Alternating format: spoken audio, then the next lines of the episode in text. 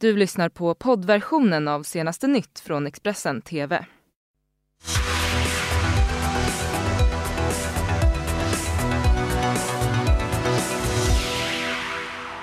Det är lördagen den 9 november. Jag heter Ylva Johansson och det här är våra rubriker. Rekordmånga skogsbränder härjar i Australien, minst två personer döda. En till sjukhus efter trafikolycka. SMHI klass 1 varnar för snö och halka. Och idag startar Expressens reportageserie om gängens El Salvador. Men vi ska börja i Malmö.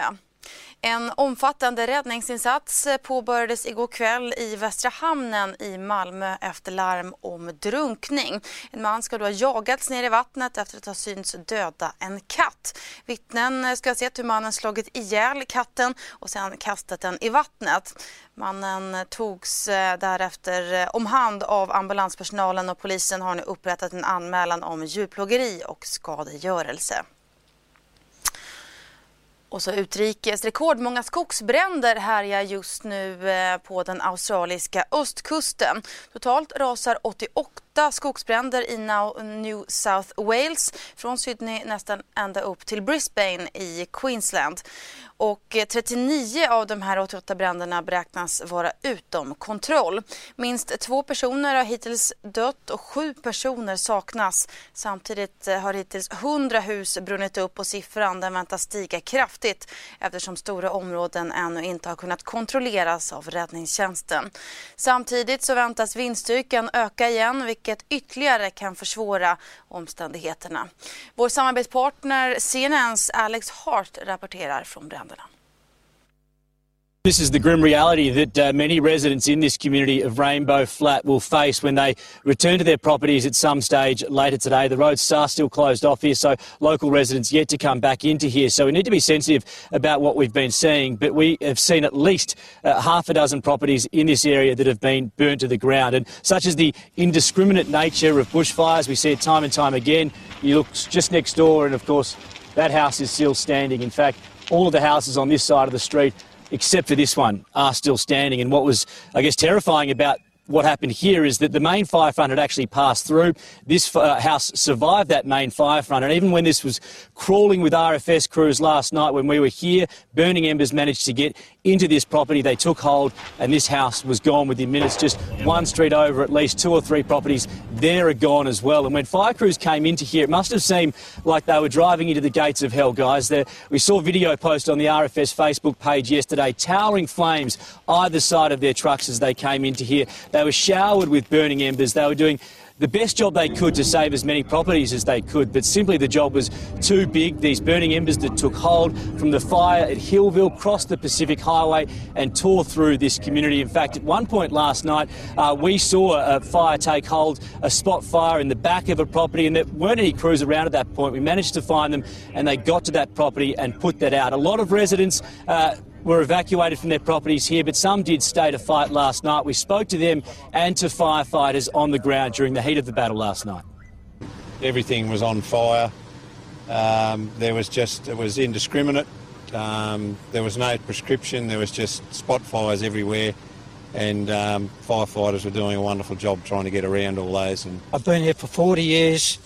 It's the worst fire easy. Så går vi inrikes. En person har förts till sjukhus med allvarliga skador efter en trafikolycka utanför Hedemora i Dalarna. Bilen ska ha voltat av väg 735 vid midnatt natten mot idag. Bilder från platsen och som ni ser här visar att det både snöar och Eh, ska vara mycket snö och is på vägen. Och eh, SMHI har ju också klass 1-varnat för just eh, snöfall och halka i bland annat Dalarnas län utom Dalafjällen. Och redan under gårdagen så var det rejält halt på flera platser i Sverige. Väglaget orsakade då stora problem, inte minst i Västmanland och Örebro län. Även idag väntas eh, snö, snöblandat regn och isfläckar på vägarna i stora delar av landet. Och Trafikverket Trafikverket de uppmanar nu att eh, man ska ta det lugnt på vägarna och vara extra försiktig. Redan under fredagen varnade SMHI för snö på flera håll i landet med risk för halka och varningen har under dagen utökats till att även gälla Dalarnas och Västmanlands län. Under fredags eftermiddagen meddelade Trafikverket att flera mindre trafikolyckor inträffat på vägarna. Söder om Gävle har en lastbil kört i diket och på E18 i Västerås har flera bilar varit inblandade i en kökrock. Enligt Trafikverket är det en mycket begränsad framkomlighet som gör det svårare att köra de mindre vägarna. Trafikanterna utmanas därför att hålla sig till Europavägarna och att vara extra försiktig. Den viktigaste faktorn i det här det är hastigheten och eh, här är det så att, att man måste fundera över om, om verkligen det är den hastigheten man ska hålla som står på eh, trafikskyltarna eller hastighetsskyltarna. Och sen gäller det att hålla avstånd till dem där framme och framför och sen eh, vara tydlig med hur du tänker köra. Därför att eh, i halt väglag så är reaktionerna betydligt långsammare. Framförallt effekterna av när du gör saker med din bil eh, sker väldigt mycket eh, långsammare och eh, då kan det vara för sent. Snöfallet beror på ett atlantlågtryck som just nu är på väg in över brittiska öarna och Frankrike innan det tar en bana upp över Danmark och Sverige. Under lördagen kommer flera nederbördsområden in. Snöfall väntas fortsätta bland annat i norra Svealand och sydligaste Norrland. Längre norrut däremot ser det ut att bli klart väder med torr och kall luft under dagen. Och vi återigen utrikes. Få länder i krig är lika dödliga som El Salvador. Det latinamerikanska landet där de kriminella gängen styr vardagen med blod, terror och utpressning. Idag startar Expressens reportageserie om gängen och deras offer i ett av världens dödligaste länder. Magnus Falkehed och Niklas Hammarsson de har mött en familj i El Salvador där alla utom det sju månader gamla barnbarnet är gängmedlemmar och mördare. Posición en la pandilla uno se la gana. O sea, uno empieza escalando como cualquier otro pandillero, como en el cuartel, pues.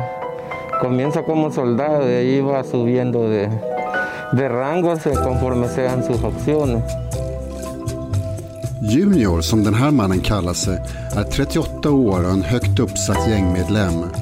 I hans lilla familj är alla, hans fru, hans 16-årige son och hans 17-årige svärdotter gängmedlemmar och mördare. Utom det sju månader gamla barnbarnet. Den lilla republiken i Centralamerika har i årtionden toppat listorna över världens mest mordtäta länder och gängen MS-13 och Barrio 18 mördar på löpande band. Utpressning och knark är en industri i vilken blod är själva bränslet. När en svacka i mordvågen uppstår skapar det sysslolöshet bland begravningsentreprenörer och otålighet bland gängmedlemmarna för vilka karriären bestäms av hur benägen man är att ta livet av folk. Usted piensa que su, su nieta será una pandillera, eh, así como toda su familia? Eh, ¿Qué siente usted sobre eso? Mm, sí que allí depende cómo la, la cría el papá. Ajá, si le da los ejemplos de que a que siga ella va a seguir, pero si no, acuérdese que sea como sea, uno no quiere ver a un hijo en los mismos problemas de uno. ¿Siempre pensaba en sus 22 víctimas?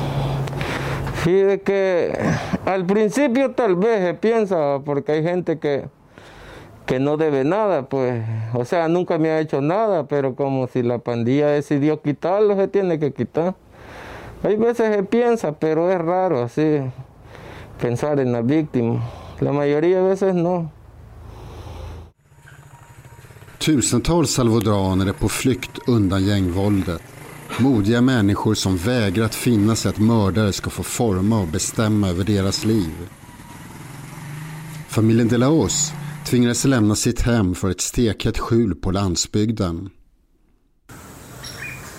Cuéntanos qué se pasó en, en su casa esta noche, señora. Llegué, llegaron ellos y me dijeron que, que les diera el pisto y, y el teléfono. Y todito, todito botaron allí, todita la ropa. Y, y, y me, y me dijeron que, que ellos me dejaban, me podían dejar el pisto, me dieron a mí. Y me dejaban el teléfono que me quitaron. Pero que me le iban a cortar las manitas a la niña. Uno lo hace. Y yo no quise entrar porque puedo poner en peligro a mi familia. Y todo eso. Y pues si no termina bien uno, pues andando en cosas así. Entonces, imagínate que podía terminar en el hospital, preso o muerto. Por eso no quise entrar yo. Pues sí, porque no tenía pues, el corazón de andar matando a la más gente, pues, también. Y hacer las cosas que ellos hacen y todo.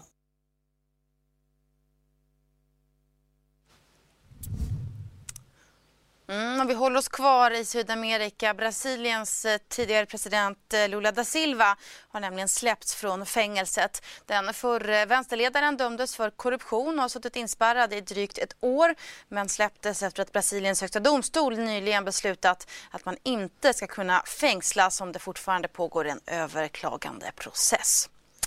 Och eh, i Chile så har demonstranterna återigen drabbat samman med polis i huvudstaden Santiago.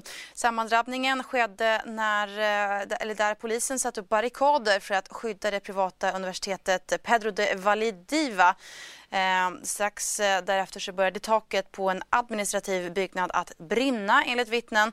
I närheten så slet också några maskerade personer ut möbler från en kyrka och tände eld på dem. Brandmännen ska också ha svårt att nå fram på grund av de många demonstranterna. Idag är det också 30 år sedan Berlinmuren föll och jublet när öst och västtyskar återförenades efter decennier isär visste inga gränser. Vår partnerkanal CNN har dykt ner i arkivet. Since uh, 28 years, it's the first time uh, that uh, people from East and West uh, Germany come here together today. Did you believe it when you saw it on television? No, no. I, I, it, it, it's not believable for me. I come uh, uh, on uh, Thursday evening. I s- uh, saw it on TV, and I think it's not it's not uh, uh, possible. I must go to Berlin and look that.